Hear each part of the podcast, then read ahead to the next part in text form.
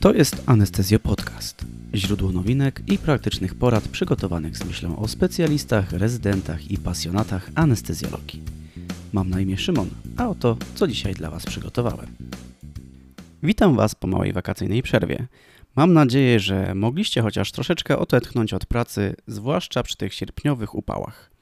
Niedługo wrócimy do pierwotnego harmonogramu wydawania odcinków, a tymczasem przejdziemy do pierwszego z dzisiejszych tematów. Stosowanie mniejszych rurek intubacyjnych może zmniejszyć ryzyko aspiracji treści pokarmowej po ekstubacji. Taki wniosek formułują autorzy badania przeprowadzonego w czterech ośrodkach w Stanach na grupie 210 pacjentów zaintubowanych łącznie dłużej niż 48 godzin w przebiegu ostrej niewydolności oddechowej. W ciągu trzech dni od rozintubowania u wszystkich przeprowadzono endoskopową ocenę przełykania z wykorzystaniem pokarmów płynnych i stałych w oparciu o 8-stopniową skalę penetracji i aspiracji. Przedostanie się pokarmu do tchawicy wraz z próbami jego usunięcia to stopnie 6 i 7, natomiast stopień 8 oznacza brak próby jego usunięcia, zwaną w artykule cichą aspiracją. Ocenie przełykania towarzyszyła również ocena wizualna krtani w celu wykrycia oznak jej uszkodzenia, np. powstawania ziarniny. Zaburzenia połykania obok zaburzeń poznawczych, mięśniowych czy pulmonologicznych są jednymi z długotrwałych powikłań mogących towarzyszyć ostrej niewydolności oddechowej i związanej z nią intubacji. Rozpoznanie dysfagii jest o tyle istotne, że ewentualna aspiracja może doprowadzić do nawrotu niewydolności oddechowej i wymagać ponownej intubacji. Wracając do wyników badania. U 41% pacjentów zaintubowanych rurką 8.0 lub większą doszło do aspiracji w porównaniu do 24% u intubowanych rurką 7,5 lub mniejszą, a różnica ta jest istotna statystycznie. Sytuacja jest mniej oczywista, jeśli chodzi o uszkodzenie tkanek krtani. Przy większym rozmiarze rurki obecność ziarniny stwierdzono u 26% badanych, przy mniejszym u 14%. Istotnej statystycznie różnicy nie odnotowano dla obrzęku tkanek, to jest 60-50%, czy też upośledzenia fałd głosowych 24-20% i tak samo dla uczucia dyskomfortu. W dyskusji do artykułu przeciwstawiane są zalety stosowania większych rurek intubacyjnych, m.in.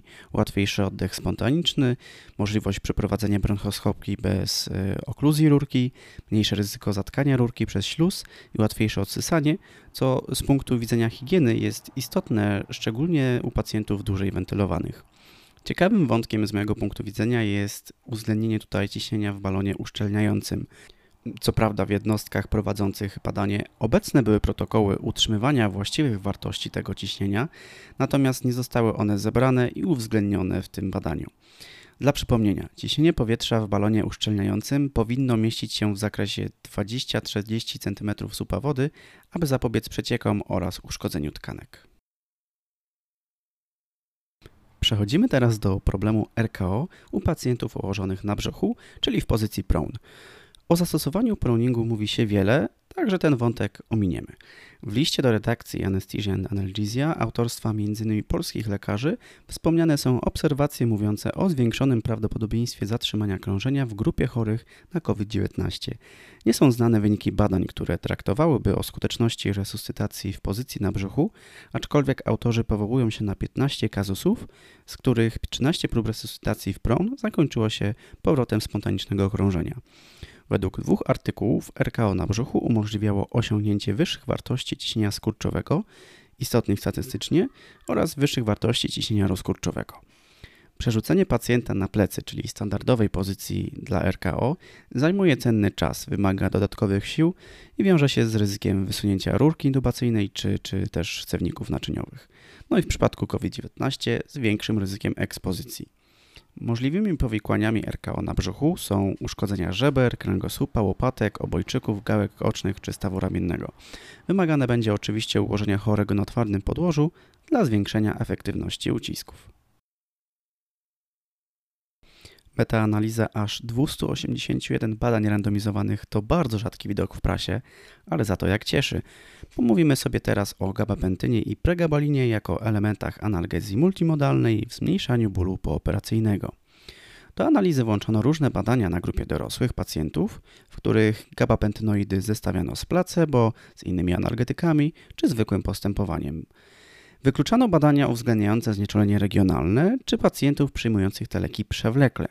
W sumie badania te uwzględniały aż 24 682 pacjentów. Głównym celem analizy było znalezienie odpowiedzi na pytanie, czy stosowanie gabapentyny lub pregabaliny zmniejsza natężenie bólu pooperacyjnego. Odpowiedź brzmi tak, ale nie jest to nawet minimalnie istotne i zauważalne jedynie w ciągu kilku godzin po zabiegu. Nie wykazano wpływu ich stosowania na zmniejszenie częstości występowania bólu przewlekłego, zużycie opioidów, a za to wykazano nieznacznie wydłużenie czasu pobytu w szpitalu. Warto też wspomnieć o dodatkowych działaniach leków. Okooperacyjne użycie gabapentynoidów pozwoliło zmniejszyć odsetek pooperacyjnych nudności, wymiotów, z drugiej strony częściej u pacjentów występowały zawroty głowy i zaburzenia widzenia. Nie zanotowano za to zwiększonej ilości groźnych powikłań, jak zaburzenia oddychania. Wniosek? Powyższe obserwacje nie popierają praktyki rutynowego stosowania pregabaliny i gabapentyny w analgezji multimodalnej oraz uwaga, tego jeszcze u nas nie było. Nie są wymagane dalsze badania wpływu tych dwóch leków na natężenie bólu pooperacyjnego. Truizmem jest stwierdzenie, że w sepsie liczy się czas, dlatego Surviving Sepsis Campaign w 2018 roku udostępniła najnowszy pakiet zadań do wykonania w ciągu pierwszej godziny od pojawienia się pacjenta z objawami sugerującymi sepsę. W ramach tego pakietu należy oznaczyć stężenie mleczanu we krwi, pobrać krew na posiewy, a potem zastosować antybiotykoterapię empiryczną o szerokim spektrum.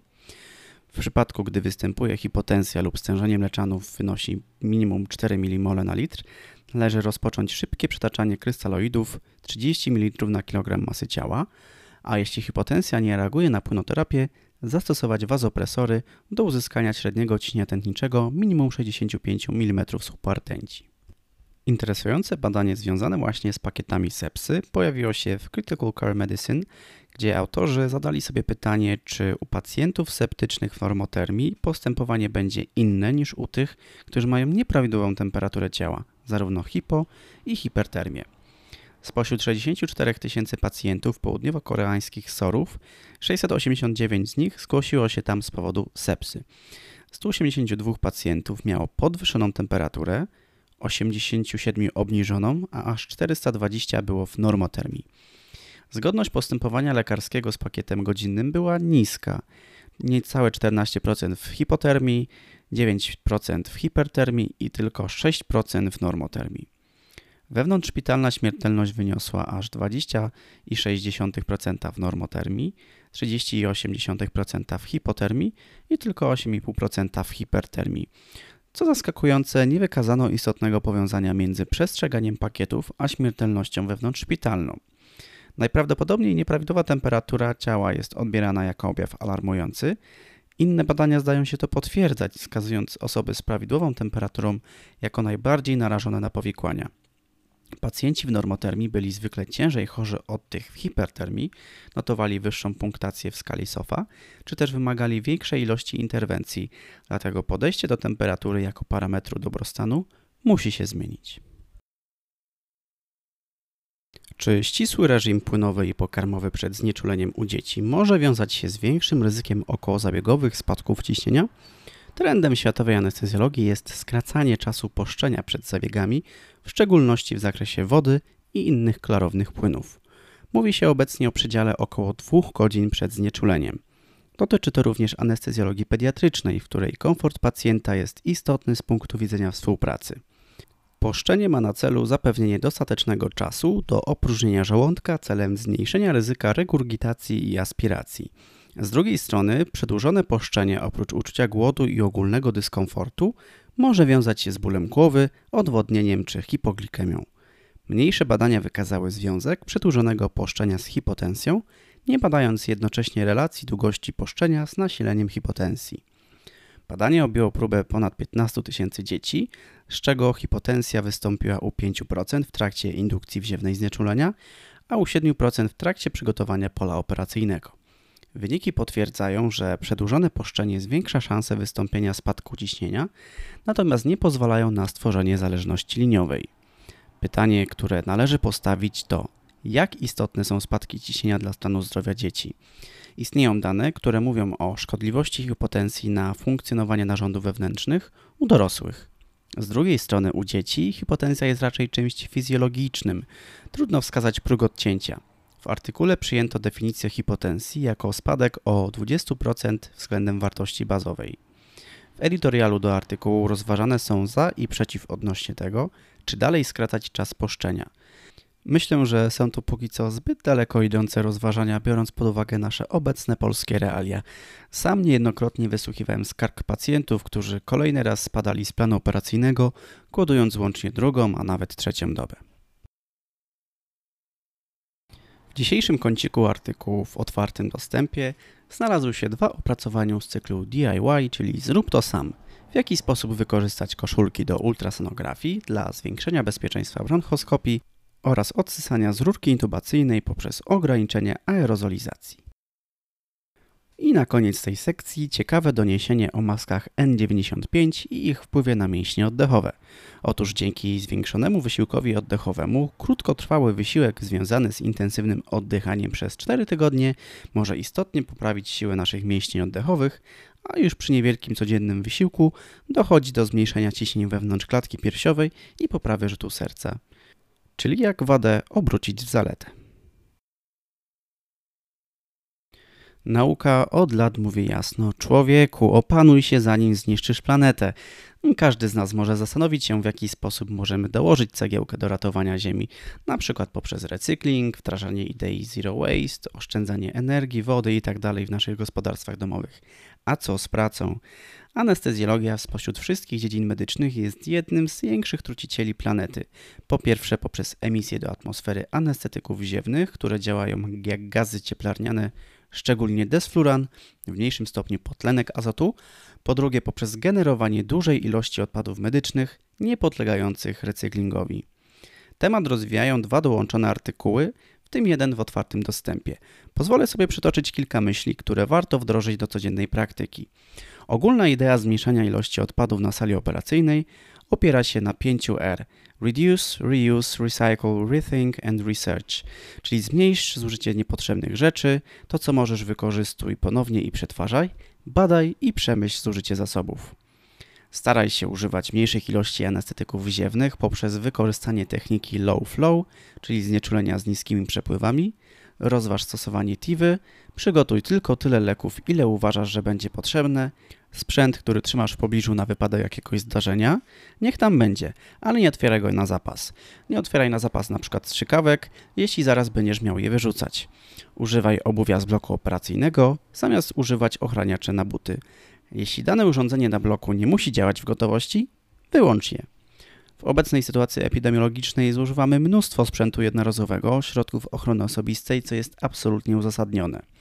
W związku z tym rozważania na temat sterylizacji sprzętu wielokrotnego użytku, np. łyżek laryngoskopów, zostawmy sobie na inny moment.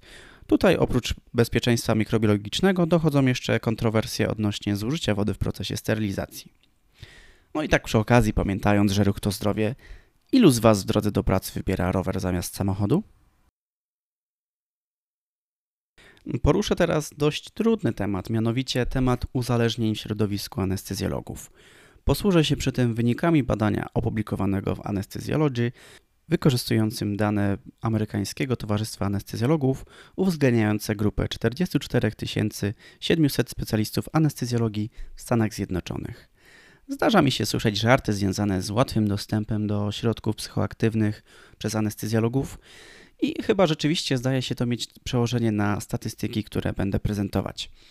W zebranej populacji wśród 601 anestezjologów, czyli 1,3% grupy, rozwinęło się uzależnienie od jakiejkolwiek substancji po ukończeniu specjalizacji.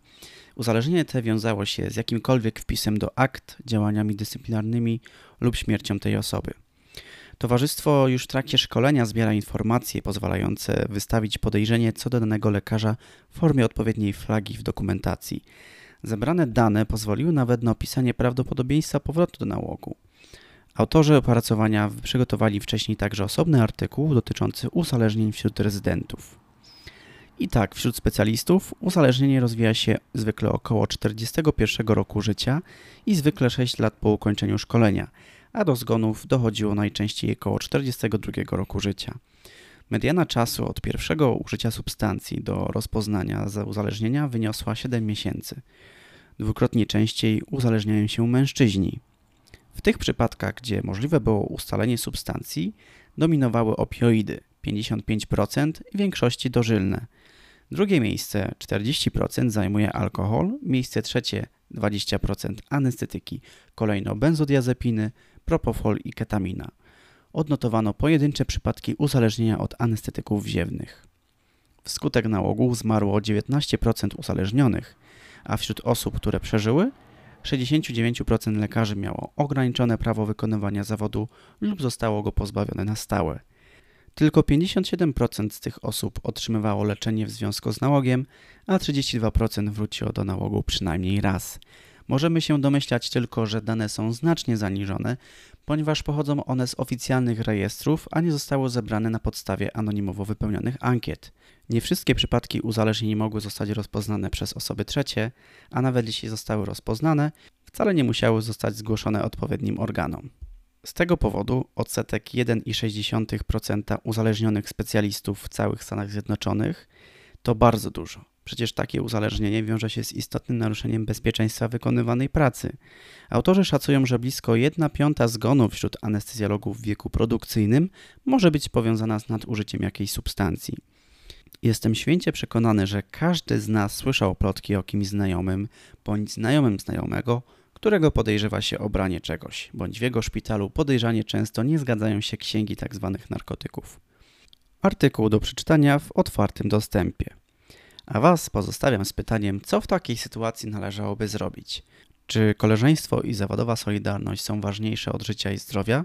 Czy naprawdę pomagamy osobie uzależnionej w ten sposób? I w ten oto sposób dotarliśmy do końca tego pierwszego powakacyjnego odcinka Anestezjo Podcastu. Już niedługo nadrabiamy zaległości, Staszek po egzaminie wraca do swoich odcinków, a ja już zapraszam na kolejny odcinek anestezjologicznej prasówki.